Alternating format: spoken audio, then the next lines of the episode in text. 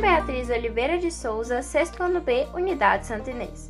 O tema do podcast escolhido foi medidas algumas medidas usadas em alguns países que não foram drasticamente afetados pela pandemia, começando na região central da África, no país de Chad. Em agosto, eles registraram 854 casos e 74 mortes. Atualmente, eles estão com um número total de 1.784 casos e 102 mortes. Uma das medidas protetivas adotadas foi o isolamento social. Agora, indo para o sul da América, no Uruguai. O Uruguai tem 3 milhões e 500 mil de habitantes. Eles conseguiram controlar a doença com uma quarentena nacional, mas essa quarentena não era obrigatória então eles contaram com o senso e a responsabilidade da população. Hoje em dia, o país está quase livre do, do vírus.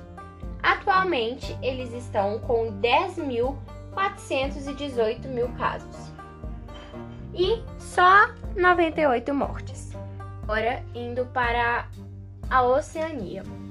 Vamos falar agora de um país muito elogiado pelo combate à pandemia, que é a Nova, que é a Nova Zelândia. A Nova Zelândia chegou a ter uma quarentena de quase dois meses e no final chegou a zerar o caso. Na semana de agosto, duas pessoas que vieram do Reino Unido fizeram teste para positivo do vírus. Hoje em dia, atualmente na Nova Zelândia, estão com o número de total de 2.100 casos e apenas 25 mortos.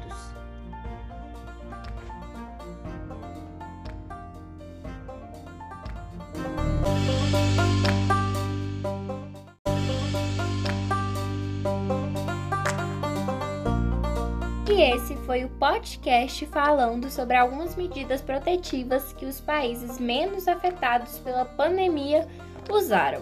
Muito obrigada, tchau!